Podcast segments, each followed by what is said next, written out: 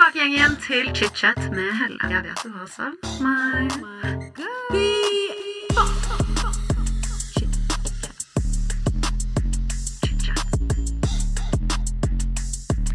I dag får jeg besøk av låtskriver og artist Sandra Lyng. Som du kanskje ser på overskriften, så er dette da del én av to deler. Neste kommer da neste torsdag, som du kanskje forsto. Og grunnen til at jeg valgte å lage en del én og en del to, er fordi Sandra har hatt et helt sinnssykt liv. Hun eh, har opplevd så mye, og jeg klarte ikke å få alt inn i en episode, så så enkelt er det. Hun har hatt eh, en ganske utfordrende oppvekst. og Jeg vil bare nevne det i starten av episoden, at i dag blir det nevnt overgrep. Så hvis du syns det er ubehagelig, så vil jeg anbefale deg å unngå disse to episodene, for det blir nevnt i både del én og del to. Med det sagt så vil jeg også bare nevne at vi snakker om mye positivt, og vi går også gjennom idolperioden, utfordringer med det å være i medias søkelys som eh, ung kvinne, hvordan det har vært i kjærlighetslivet, og selvfølgelig i del to så går vi også innom eh, kjærlighet, graviditet og barn. Velkommen tilbake, dere, til chit-chat. Sandra, velkommen til chit-chat. Tusen takk. Altså, jeg sa jo dette før vi begynte å spille nå, men du har hatt litt av et liv. Ja. Ja. Og jeg gleder meg veldig til å snakke med deg i dag. Jeg har gledet meg veldig til det. Å, så koselig. Og det er eh, altså, kanskje litt mer enn andre gjester. Det er kanskje frekt å si mot andre gjester. Men, eh, men jeg bare, du har hatt et veldig spennende liv. Du har levd forskjellige steder. Du har opplevd veldig mye i veldig ung alder. Så um, ja, det er, det er ikke noe mer å gjøre enn å bare hoppe i det, egentlig. Ja. Ja. OK, let's go. Og jeg må også bare si dette her blir en Jeg vet at altså, manuset mitt har aldri vært så langt før. Og det blir en del én og en del to. Det kan jeg bare si med en gang. Men vi går først tilbake til barndommen din. For å bli skikkelig godt kjent med deg. For du er jo født eh, 18. april 1987. Du hadde bursdag i går. Ja. Gratulerer med gårsdagen. Tusen takk. Og du er jo da oppvokst i Mosjøen. Ja. Kan ikke du fortelle litt om eh, oppveksten din og dine tidligste år i Mosjøen? Sånn helt fra starten Jeg ble jo født altfor alt tidlig. Så jeg måtte ligge i sånn liten boks og bli ferdig utvikla. Og det ble fortalt at jeg antageligvis ikke kom til å kunne snakke noe særlig. Kanskje ikke bli Kanskje ikke hjernen var ferdigutvikla. Kanskje jeg måtte ha trøbbel med å gå. Um, Så du er født veldig prematur, da? Ja. Og så, så jeg begynte livet med å kjempe for å, for å leve. Og jeg følte at allerede da gjorde det meg til en fighter. Mm. Well said. Nei, du har jo um, Du har jo nevnt i noen intervjuer opp igjennom at du har hatt det litt vanskelig i barndommen din. Mm. Og du nevnte bl.a. i Nettavisen at du ikke trivdes hjemme som barn. Du trivdes ikke der du bodde. Og du trivdes heller ikke på skolen. Dette her må jo ha vært kjempevanskelig, veldig ung. Men vil du fortelle litt om, om den perioden i livet ditt? Alt jeg huska, det var at jeg bare ønska at dagene skulle gå, sånn at jeg en dag skulle flytte. Sånn at jeg en dag skulle bort. Eh, og at jeg bare måtte holde ut. Jeg visste jo ikke hva det var, all den smerten som jeg opplevde, og som jeg opplevde innenfra. Eh, når man har det vondt rundt seg, så blir det vondt inni seg. Så jeg husker bare at jeg kalla det de onde tankene og de onde følelsene. Og jeg visste ikke Jeg skjønte jo ikke noe hva det var. Og hos meg så var det det her som var normalt. Og um, når jeg kom på skolen, så ble jeg, så ble jeg utstøtt uh, i andre klasse. For jeg by- bytta skole. Jeg flytta til landet. Uh, og da um, Så jeg ble utstøtt av jentene og uh, ofte fysisk behandla av gutter. Og det var, det var jævlig tøft, for da følte jeg jeg hadde ikke noe fristed hjemme. Jeg hadde ikke noe fristed på skolen. Så hvor skulle jeg gjøre av meg da, på en måte? Så eh, jeg vet ikke, jeg holdt meg opptatt med å gå i kor. Eh, og det eneste tilbudene som var, var jævlig dårlig tilbud eh, for unge, utenfor Mosjøen i hvert fall, på det, det tidspunktet. Så da ble jeg bare med i de kirkekorene jeg fant, og, eh, og et eldrekor som kalles Gaukan. Så det var liksom meg og pensjonistene, og det var koselig. Fikk, fikk kake, og um, jeg fikk sunget, for det, det har vært en ting som har gjort meg glad. Så jeg liksom har alltid rømt inn i musikk, og når det var krangling og bråk hjemme, Um, så, så skrudde jeg bare opp radioen. Og for å fokusere bort fra For man kan ikke kontrollere det som barn, det som skjer rundt det. Så bare pugga jeg sangtekster. Det var min måte å fokusere på noe annet på. A lot can happen in three years, like a chatbot may be your new best friend. But what won't change? Needing health insurance. United Healthcare Tri Term Medical Plans, underwritten by Golden Rule Insurance Company, offer flexible, budget friendly coverage that lasts nearly three years in some states. Learn more at uh1.com. A lot can happen in the next three years, like a chatbot may be your new best friend.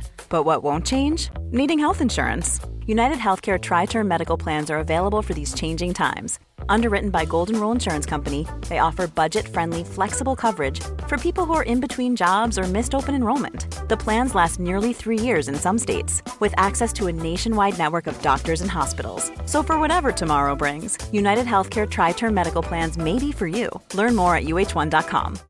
Hey, Dave. Yeah, Randy. Since we founded Bombus, we've always said our socks, underwear, and t shirts are super soft. Any new ideas? Maybe sublimely soft. Or disgustingly cozy? Wait, what? I got it. Bombus. Absurdly comfortable essentials for yourself And for those facing homelessness. because one purchased equals one donated. Wow, did we just write an ad? Yes. Bombas. Big comfort for everyone. Go to bombas.com slash ACAST and use code ACAST for 20% off your first purchase. For det var jo ikke helt lett hjemme heller. Maren og faren din kranglet mye, har du sagt tidligere. Og de endte jo opp med å gå fra hverandre og skilles også, når du var med i Idol Ja. senere. Samtidig som jeg var med. Ja, Så det var mye Ja, det var turbulent hjemme, da. Mm. Ja. Har du noen søsken? Ja. Ja. Du ble utsatt for mobbing. Og du har jo nevnt i et intervju tidligere også at du ble utsatt for et eh, overgrep i ung alder. Dette her snakker du selvfølgelig bare om hvis du ønsker det. Mm. Men vil du fortelle litt om hvordan disse hendelsene påvirket livet ditt inn i tenårene? Mm, det førte til veldig mye selvhat og eh, skam, og at man gjemmer seg. Um, og gjorde til at jeg ikke var glad i meg selv, og det gjorde til at det skjedde igjen og igjen og igjen. Eh, For jeg tiltrakk meg mennesker som behandla meg likt, som jeg var vant til. Nå når jeg Jeg blir mye sterkere når jeg skal snakke. Åh, jeg merker at jeg blir helt sånn svak når jeg skal snakke om det. Jeg må komme tilbake til meg sjøl. nå når jeg kan om eh, mental trening, jeg er mentaltrener òg, så vet jeg hva grunnen er. Så forstår jeg det. At det er rett og slett fordi at eh, hjernen vår går tilbake til det som er kjent. Du vil alltid gå til et kjent helvete i stedet for et noe ukjent som potensielt er bra. For eh, hjernen vår er jo bare lagd for å reprodusere, overleve og ha det komfortabelt. Og så lenge den vet OK, du har det jævlig, men du overlever i hvert fall, så er det det du vil gå til. Og eh, da føles det trygt når ting er gjenkjennbart, selv om det er mennesker som er jævlige. Mm, er ikke det Altså, det høres så sykt ut, men det er Altså, jeg har gjort det selv. Så det er liksom mm, Vi alle vet det som har gått tilbake til menn som har slått, f.eks., eller vennskap som er toxic, eller en jobb der du egentlig ikke har det bra, men hva er alternativet? Hva hvis jeg står uten? Hva hvis jeg blir blakk? Hva hvis jeg må Altså, du velger å ha det jævlig i stedet for å prøve noe nytt, for da det virker enda skumlere. Men eh, når jeg skjønte uh, mønsteret For ofte så gjør vi det for at vi vet jo ikke, vi skjønner jo ikke hva vi holder på med. Eh, mange av oss vet jo ikke engang identiteten vår eller verdiene våre. Eh, men da jeg ble klar over det, så kunne jeg snu mønsteret. Og vi må ikke klandre oss selv heller, eh, fordi at man kan ikke endre noe før vi vet det, før vi er klar over det. mm, Veldig, veldig sant. Ja, nei, det Jeg skjønner jo at dette har påvirket deg. Og jeg syns det er helt jævlig rått, må jeg bare si, at du er blitt den du er i dag. Og vi kommer jo inn i det senere også, for du er jo en sterk stemme i sosiale medier. Du snakker veldig mye om selvutvikling og det å være eh, sterk psykisk. Og det syns jeg er veldig imponerende. Jeg vil bare si det. Tusen, tusen Skikkelig, skikkelig rått. Nei, nå blir jeg rørt. Tilbake til livet. Ja. Du slo jo gjennom i Idol i 2004. Altså, for en crazy tid. Jeg sa altså det før vi begynte intervjuet, at jeg husker dette veldig godt. Altså, jeg var sånn benka til TV-en hver fredag for å se på det. Og du endte jo opp med en fjerdeplass i konkurransen. Og det var helt elleville tilstander i Norge på den tiden. Det var ikke sosiale medier. Alle så på TV. Jeg følte alle ble kjent med ansiktet ditt på en veldig kort tid. Hvordan var det for deg å på en måte bli kjendis over natten? Og du var vel bare 16 år? Helt lykke. Og som jeg sa, jeg elsker å synge. Det føler jeg at det har vært drømmen min hele livet. Og det å få lov å synge var bare helt magisk. Eh, og så er det jo ikke bare positive hendelser som kommer med at folk gjenkjenner det. Jeg hadde mange, spesielt jenter, som hata meg. Mm, mye sjalusi, da. Det var, Mm. Jeg husker en gang en jentegjeng kom opp til meg på Karl Johan og, og yppa sånn med brystkassen frem og spytta rett nedfor meg. Og det var et eller annet om at det, det var et eller annet med kjæresten deres. Jeg husker ikke helt hva de sa, men det var et eller annet sånn Ja, sa de, sa de noe stygt? Og jeg følte hvor jeg til tider kunne føle meg utrygg. Det ble lagd egne Det var jo ikke Jodel og sosiale medier da, men det ble lagd forum hvor de hata på meg. Og det syns jeg var litt vanskelig, for som du nevnte, så var jeg jo vant til å bli mobba. Og nå føltes det at nå var det OK, før var det kanskje 20 stykker som gjorde det. Gjorde det. Her var det mange tusen. Jeg visste ikke engang hvem de var, eller hvem jeg møtte på. Og det, det ble virkelig ille da folk var så slemme. De, de ønska at jeg skulle lese ting, sånn at jeg skulle bli psyka ut og trekke meg fra Idol. Å, fy faen. Det var folk er deres så- eh, mål. Og da, da var det Da var det en dag at VG plukka opp på det, og så var det hele forsida av VG. Det var ikke en annen sak hvor det stod 'Sandra hetses på nett'. Og så skal du stå der og prøve å prestere, altså, foran noen som Det sitter fire stykker foran deg kun for å dømme opptredenen din, og etterpå så skal folk dømme om du er god nok til å gå videre eller ikke. Og så er det bare et barn, og som du nevnte òg, så skiltes foreldrene mine samtidig. Og bare det er nok for en ungdom å stå i. Det at du er i puberteten, og du begynner å få pupper, og bare, bare- det er nok å stå i. Altså, tenårene er bare Ja, det, en jævlig periode er uansett. Ja, ja. Altså, jeg, var, jeg følte meg Jeg var fortsatt et barn, og så var jeg ungdom, og så var jeg Ja, så det var ganske forvirrende tid. Men når det er sagt, jeg elsker det. Jeg nøyt hvert sekund. Jeg bare rett og slett elska det. Og jeg satte pris på enhver som sendte meg brev. Jeg svarte alle, og det jeg gjør fortsatt. Um, fordi at jeg er så takknemlig. Jeg vet at min drøm er å stå på scenen.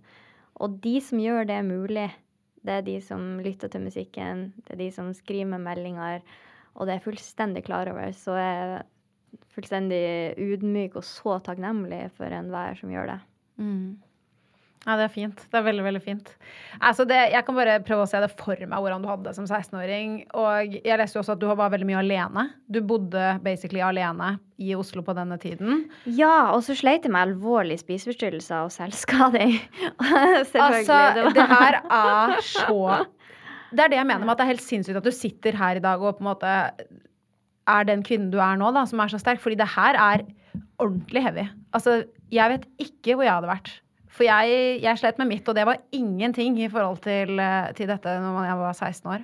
Men ja du Kanskje slet- musikken hjalp med det? ja, det må jo ha vært noe her, fordi Ja. den indre styrken din var jo der. Sånn som du sa, du nøt store deler av det. Og det syns jeg er veldig fint at liksom du klarte fortsatt å holde deg positiv, da, selv om liksom forum var helt jævlig. eh, Du skulle bli dømt av hele Norge hver fredag, liksom, og, og alt det. Og jeg syns det er dritkult at også etter Idol så gjorde du jo også veldig suksess. Jeg må nevne Sommerflørt med Philip. Altså det er så barndomsminnenostalgi. Og når jeg sitter og researcher, jeg har hørt på den sangen, jeg har sett på gamle liksom, eh, ja, musikkvideoer på YouTube. Og for å ikke snakke om Singstar, hvor denne sangen var. Og jeg tror jeg, altså Mamma og pappa må ha blitt helt gale hvor mye jeg sang den sangen på Singstar med venninnene mine. Men følte du etter Idol Du kom jo på fjerdeplass. Følte du at du hadde fått det til? Hvordan var liksom din indre monolog etter Idol? Jeg har aldri følt at jeg har fått det til. For hvis jeg skal være helt ærlig. Jeg har bygd opp selvbildet mitt de siste årene. Um, Men uh, å, å føle at jeg har klart det, det ah, Det blir litt eh, sur på meg selv for at jeg sier det, men det har jeg nok aldri tenkt.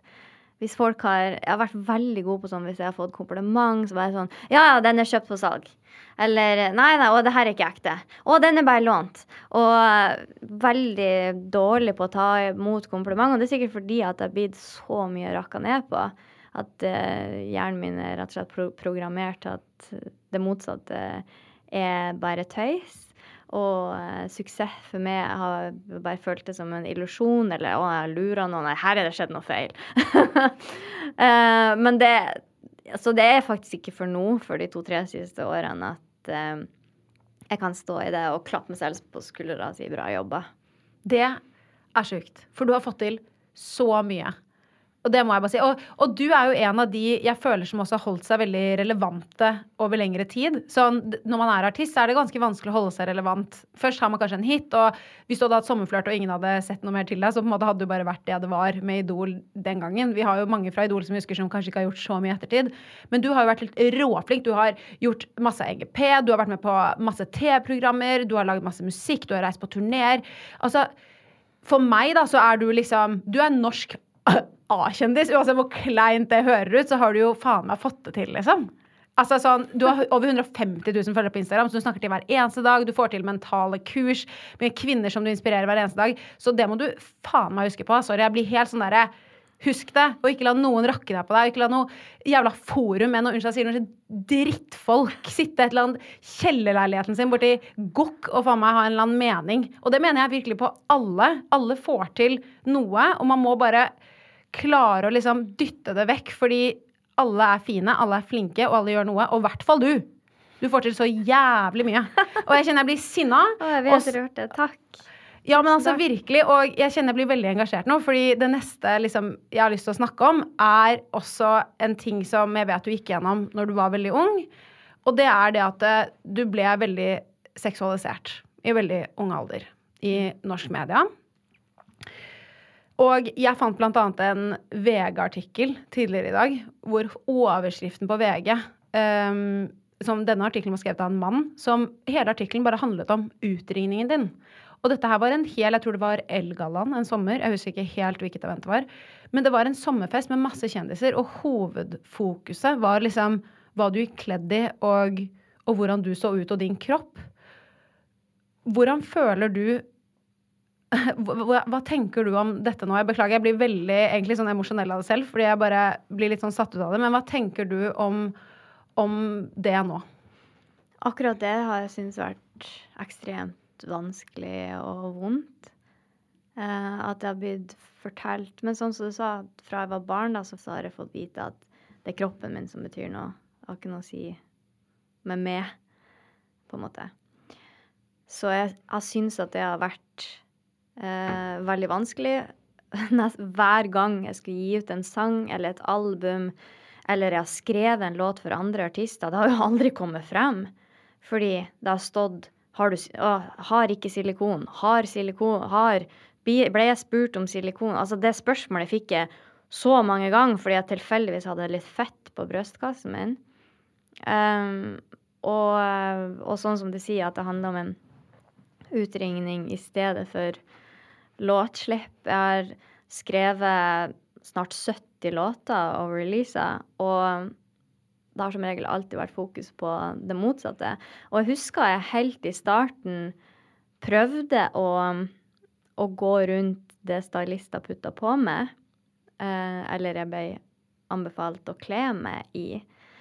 Og jeg husker jeg var på en fotoshoot der de bare hele tida dro ned glidelåsen. Han fotografen gjorde det sånn at kløfta mi skulle vise seg. Jeg bare dro opp, og han dro ned og dro opp og dro ned. Og så bare sånn Og til slutt så bare ga jeg opp. Så var jeg OK, er det så jævlig viktig, liksom? Og så Og så eh, Jeg syns det er kjempevanskelig å, å snakke om fordi jeg vet at det har vært med og gitt et inntrykk av meg som om det her er noe jeg har lyst til, som om jeg liker å deie meg frem og se på meg og se på kroppen min. Uh, for det, det, er ikke den jeg er. Det er ikke verdiene mine. Jeg har jeg er smart, men det har aldri fått komme frem, føler jeg. Fordi at jeg blitt gjemt bak noe overfladisk dritt. Nei, det, jeg, jeg blir veldig frustrert av dette temaet. Og jeg har masse egne personlige meninger som jeg har veldig lyst til å dele. Jeg merker bare at jeg må bare gå inn i litt sånn programlederrollen. Fordi jeg kan bare se for meg hvor vanskelig det har vært for deg å blitt fratatt på en måte stemmen din i enkelte situasjoner på grunn av hvordan andre mennesker seksuelt ser deg, da. Og dette startet når du var 16 år. Da er du et barn.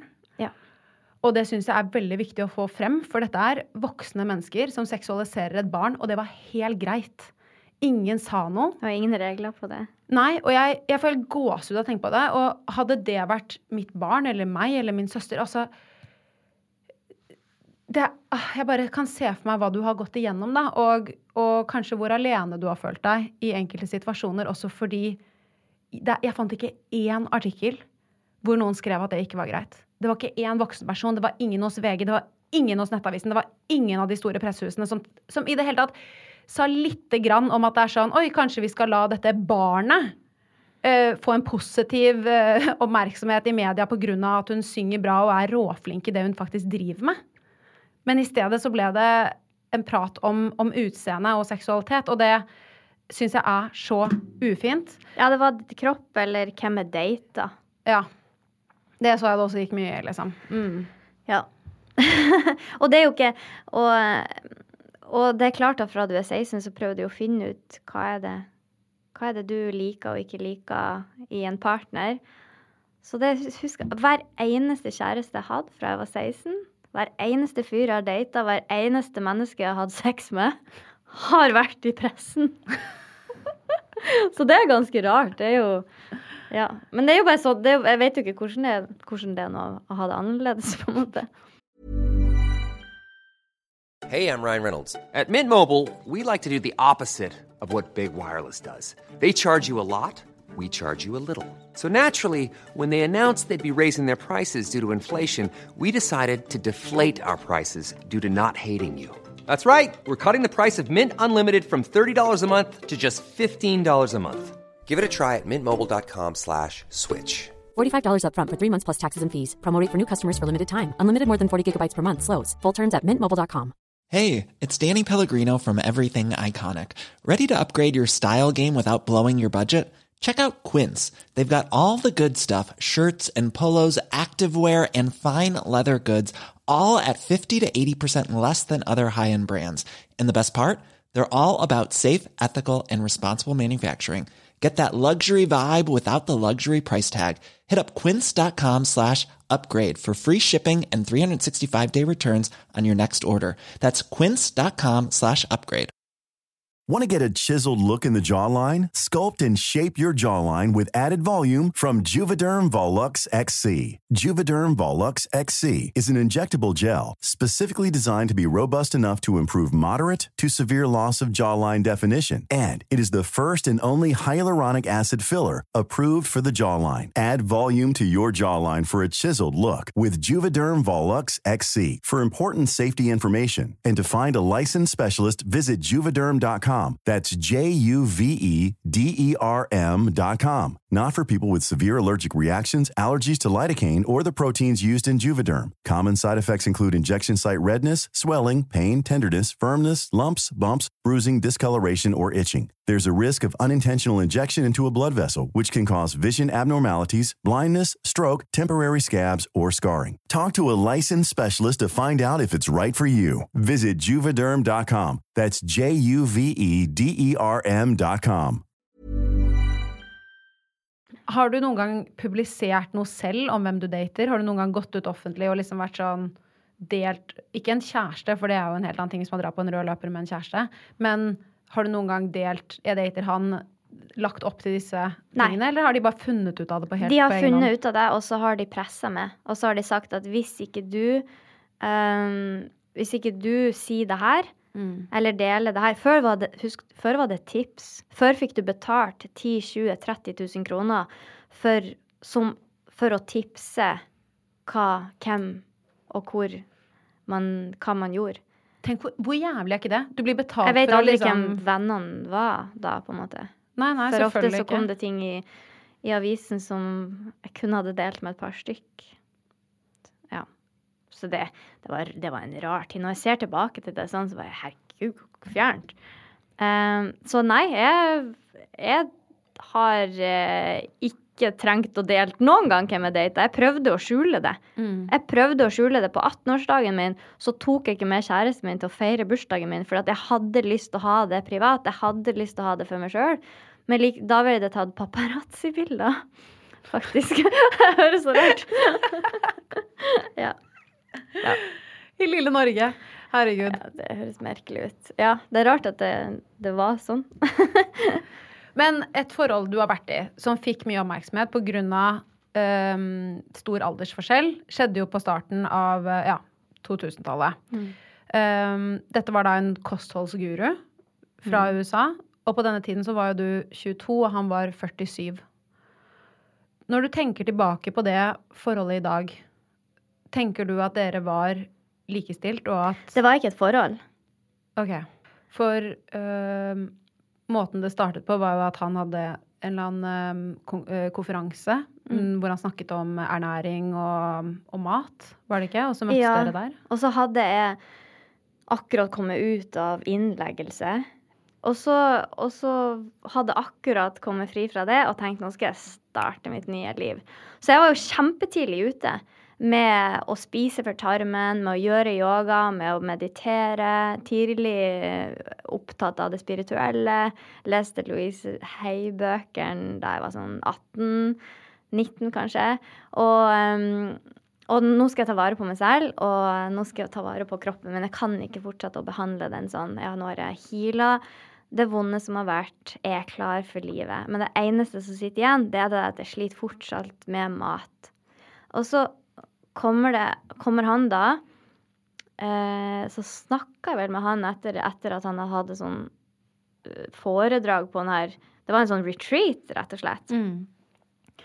Og så bare um, sier han at han kan hjelpe meg.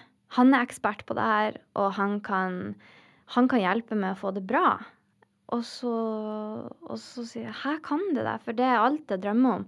Og så sier han 'ja, ja, ja, jeg skal ikke ha det for deg, jeg bare brenner for at jeg vil bare at du skal ha det bra', og Eh, og hvis vi bare kan ta et bilde sammen her, så er det liksom nok, og jeg stiller opp for det. Og jeg skal komme tilbake til Norge om litt, og, og da, da skal jeg hjelpe deg. Så jeg bare Oi, herlighet, så snilt. Yes! Og du tenkte jo bare at dette var en, en snill person, da, som Er det min tur til å bli frisk nå og ha det bra? tenkte jeg. At jeg var heldig. Og så kommer han, og så, eh, og så sier han ja, kom hjem til det, og så går vi gjennom kosthold og hvordan vi kan gjøre det. Og jeg har hjulpet folk før, og det her er null stress og sånn. Så jeg OK. Og så drar han ikke. Han, han begynner å manipulere meg allerede da. Skal du virkelig la meg ta inn på hotell nå når jeg kommer hit for å hjelpe det? Æsj. Um, Hvor lenge varte dette helvetet? Nei, det var Jeg vet jo ikke, for jeg, jeg har jo totalt blackout fra den perioden. Alt jeg gjorde, var jo å gjemme meg i mitt eget hode, for det var for grusomt til å eksistere. Um, men jeg tror det varte et par måneder. Det var helt til jeg møtte en, en komp, gammel kompis av meg. For han, han og sa at vi skulle, vi skulle gifte oss, og sånn var det bare, liksom. Um, herregud, så fælt. Stakkars Sandra, 22. Dette er, dette, er helt, dette er helt jævlig, men jeg må bare spørre deg også, hvordan kom du deg ut av det? Ja, det var det jeg skulle si. Jeg møtte Han hadde bestemt at Jeg fikk aldri være unna han. Jeg fikk ikke lov til å lukke igjen toalettdøra engang. Jeg fikk ikke lov til å snakke norsk.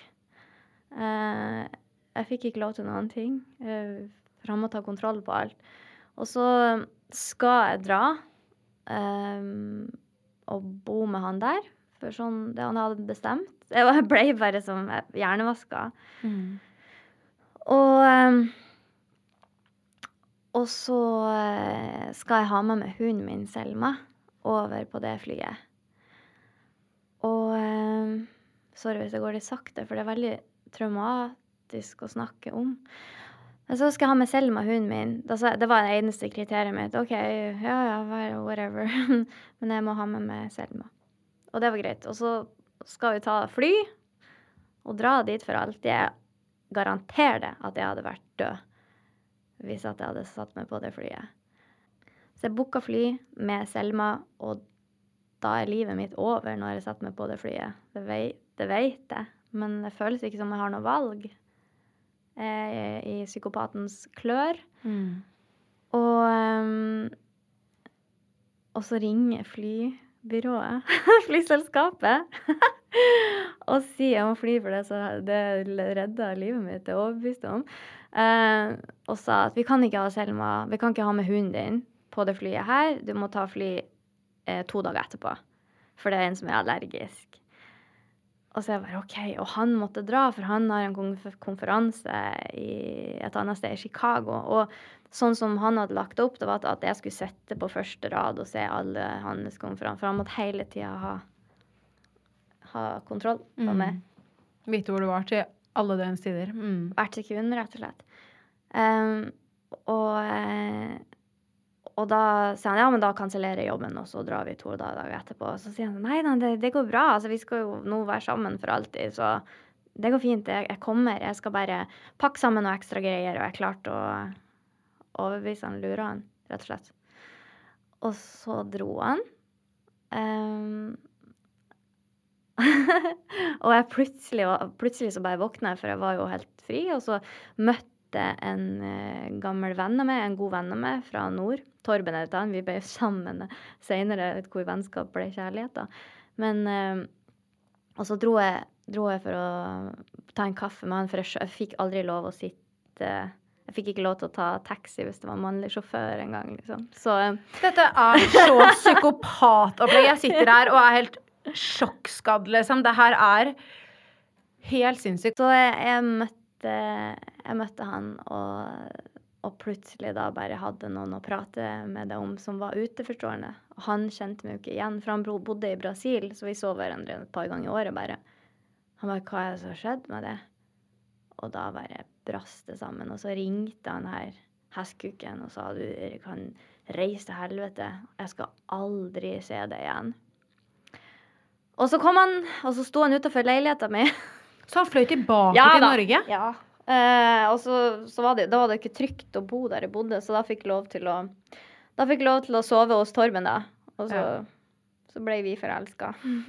Det er jo egentlig for så vidt en, en litt hyggelig og fin historie, da. At han på en måte, eh, hvis han er en snill mann, kunne hjelpe deg å, å finne deg kanskje litt igjen, da. Fordi det å bli manipulert på en slik måte og bli helt frihetsberøvet, Ja. det er eh, noe av eh, det verste i hele verden, kan jeg se for meg. Og, og det her syns jeg er helt jævlig. Altså, jeg blir helt satt ut. Altså, det er vanskelig å gjøre jobben min og sitte og høre på det, for å være helt ærlig. For det er veldig Ja. Veldig følsomt. Jeg kan se det for meg også tidlig i 20-årene. Man er litt usikker. Du har allerede gått gjennom masse utfordringer i livet. Du har akkurat kommet ut av rehabilitering. ja, det var ganske uflaks. At, eh, ja, no shit! Det er det mest uflaks jeg har hørt i mitt liv. Men, eh, men eh, hvordan gikk det med da videre rehabilitering og spiseforstyrrelsene etter dette? Um, nei, altså, det jeg er jo fette sterk, så det gikk jo en faen i volden med. Det her finner jeg meg ikke i. Så begynte jeg å Og så bare endra jeg livet mitt totalt. Jeg flytta fra Norge. Jeg begynte å studere låtskriving og ta acting classes i LA. Eh, og jeg bodde litt i Brasil med Torben og lærte meg litt portugisisk. Og jeg bare, jeg bare begynte å leve livet. Jeg bare, det er for kort å sitte og sture over det som har skjedd. Men selvfølgelig så har det jo Jeg har jo kompleks PTSD, eh, dessverre. Men eh, ja, nei, jeg bare, jeg bare be- bestemte meg for at nå skal jeg ha det godt, da. Mm. Fantastisk. Men eh, som du sa, du reiste jo i ja, 2011, var det ikke det? I, Ja. Til LA, og der bodde du også i, um, i to år. Eh, men med tanke på at han, som vi har snakket om nå, mm. at han var jo amerikansk, tenkte du noen gang på det? At du var redd for å dra til LA og, og møte på han? Oi, nei, det gjorde jeg ikke. Det syns jeg er sterkt, for Fordi- det var det jeg Nei, for at jeg, hadde jeg møtt på han der jeg bare ikke er i en sånn tåke der jeg er manipulert, så hadde jeg slått han ned, liksom. Mm. Han er jo en puslete rar mann. Uh, jeg syns synd i han. Unnskyld at jeg ler, jeg bare elsker at du er så fucking sterk. Ja, men jeg bare si. Jeg håper for hans del at han ikke møter på meg, faktisk. Shit, ass. Jeg tror han Så- innså at uh, det var feil jente å manipulere. Ok, bra. Fy faen så bra at du liksom hadde den styrken, da, for det Men jeg fikk det tidlig, vet du. Jeg sa det. Ja. jeg måtte, en gang jeg kom til, så måtte jeg kjempe for å bare leve. Og det føler jeg har tatt med meg. Mm. Nei, jeg syns det, det er jævlig bra. Fy faen så bra, liksom. Og jeg bare hater menn som utnytter ja, kvinner i sårbare situasjoner, for å si det er bare små menn som gjør det. Så det er jo egentlig bare synd på dem. Mm. Og når du klarer å se det på den måten i stedet for med frykt, da har du blitt fri. Men hvis det er noen som hører på den podkasten her, nå, Mm. som øh, sliter og er i et øh, vanskelig forhold, for å si det på den måten, Ja, hva vil du anbefale de å gjøre da? Det er å oppsøke hjelp. Jeg har spurt igjen og igjen og igjen. Jeg har forhørt med meg psykiatere og alle psykologer jeg har gått til, har gått 21 år i psykiatrien. Hva kan man gjøre i en sånn situasjon? Og det eneste jeg får svar om hver eneste gang, det er bare kom det til helvete unna. For du kan ikke endre de. Det kan aldri bli bra i et sånt forhold. Du vet aldri når eh, når det snapper, når det blir galt. Uansett om det er i at, om det er forelderen din, eller om det er søstera di, eller om det er kjæresten din. Det vil aldri bli et sunt og godt forhold, så du må bare komme det unna. Og Mm. komme seg unna kan jo være det vanskeligste. Jeg fant mitt vindu eh, i den settinga, men heldigvis nå så klarer jeg å se det fra ganske lang avstand. Men alt jeg kan si, er kom deg unna, søk hjelp. Søk hjelp på krisesenter eller hos eh, en psykolog. Få vennene dine til å hjelpe deg. Eh, søk hjelp fra politiet, eh, Mm. sånn at du har de i ryggen. Det er det vanskeligste Altså, jeg jeg husker jeg var på tur med Lars Monsen, og så spurte han meg hva er du redd for, for jeg var ikke redd for høyder, jeg var ikke redd for vann, jeg var ikke redd for noen av de tingene der. Mennesker. Ja. Mm. Mennesker med vonde intuisjoner. ja. Og jeg det Små så mennesker som trenger andre for å føle, trenger andres lidelse for å føle seg bra, det er stakkarslig. Mm, absolutt.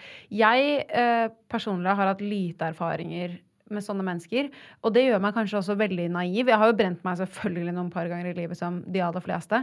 Men jeg syns det er, eh, selv om jeg vil si at jeg kanskje er eh, sosialt oppegående, liksom, men jeg syns det er vanskelig å skille det noen ganger. Og i enkelte situasjoner, eh, når det kommer kanskje til vennskap og familiært, da, så, så syns jeg det er så vanskelig å skille fordi disse menneskene er jo ofte ganske greie også. Ja, ja. Altså, ja.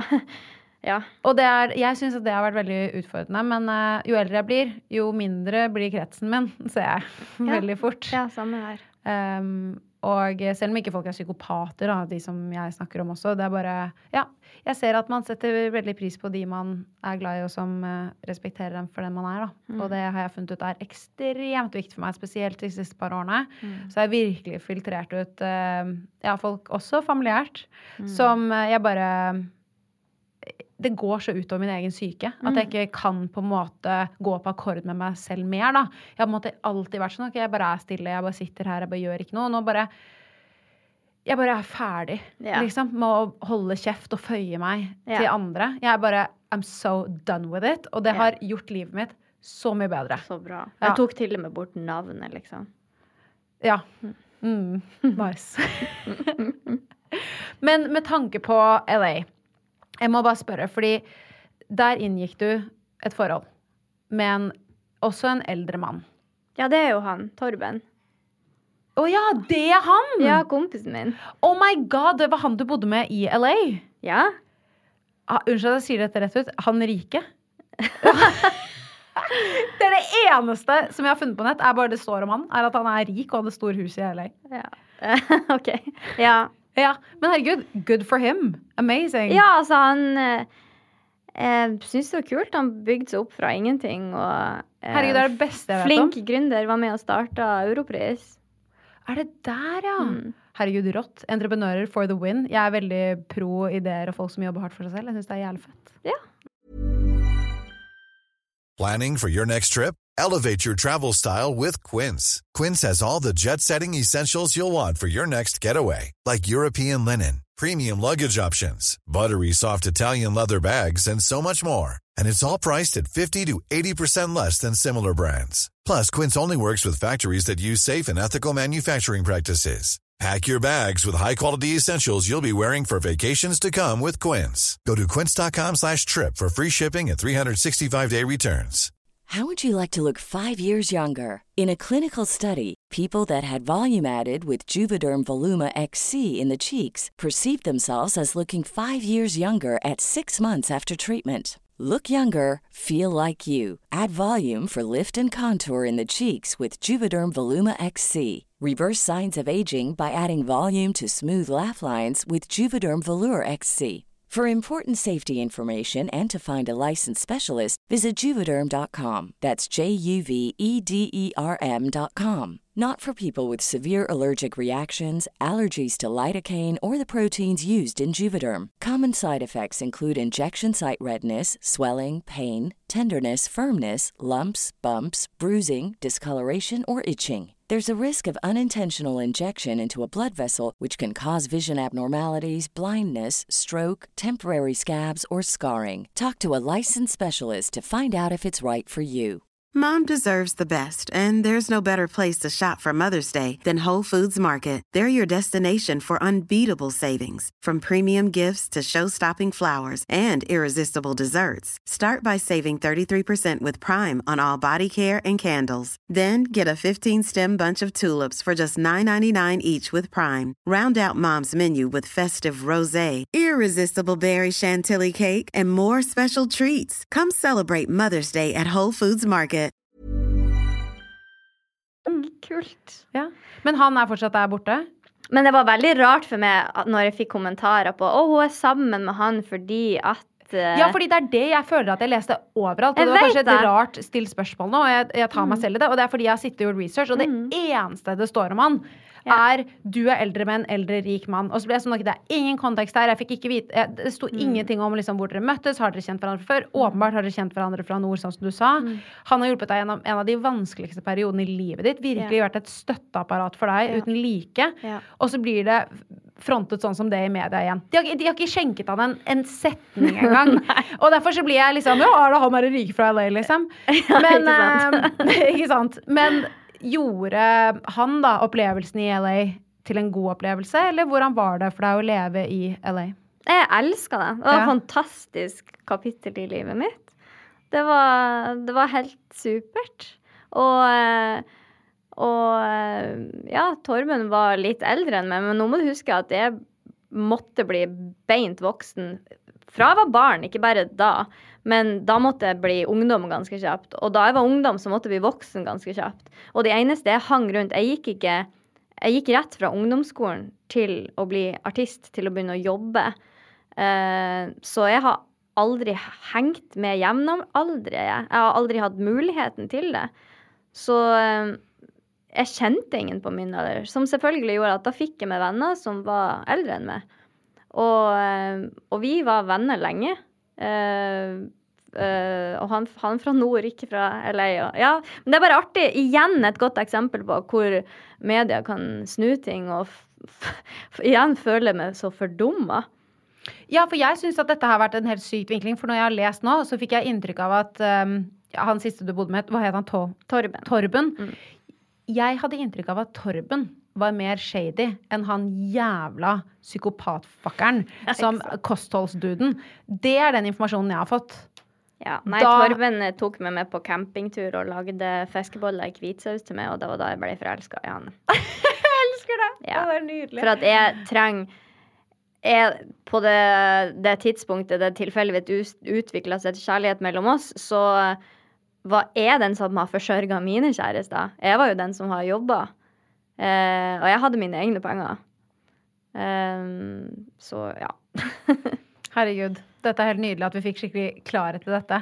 Jeg, eh, jeg syns det er veldig um, Jeg synes liksom livet ditt er ganske inspirerende, om jeg skal være helt ærlig. Jeg synes det er eh, kult at du vil dele med meg. Det er veldig, veldig morsomt. Veldig artig å dele de her tingene, for eh, det er så mange ganger jeg har følt meg så misforstått, men så har jeg aldri kunnet fått sagt hei, her ble det her er ikke sannheten. Mm. Ja. Nei, her kan du si hva du vil. Men jeg ser nå at uh, her stopper vi del én. Og for dere som lytter, abonner på ChitChat, fordi da får du opp eh, del to, som kommer neste torsdag. Og så bare høres vi, og Sandra, vi fortsetter. Yes. Og til deg som har lyttet til denne episoden, hvis du likte det du hørte, så gå gjerne inn i appen og abonner på ChitChat med Helle. Da får du automatisk opp nye episoder hver eneste torsdag. Og hvis du er ekstra grei, så legger du gjerne igjen en review. Det hadde jeg satt kjempestor pris på. Vi høres!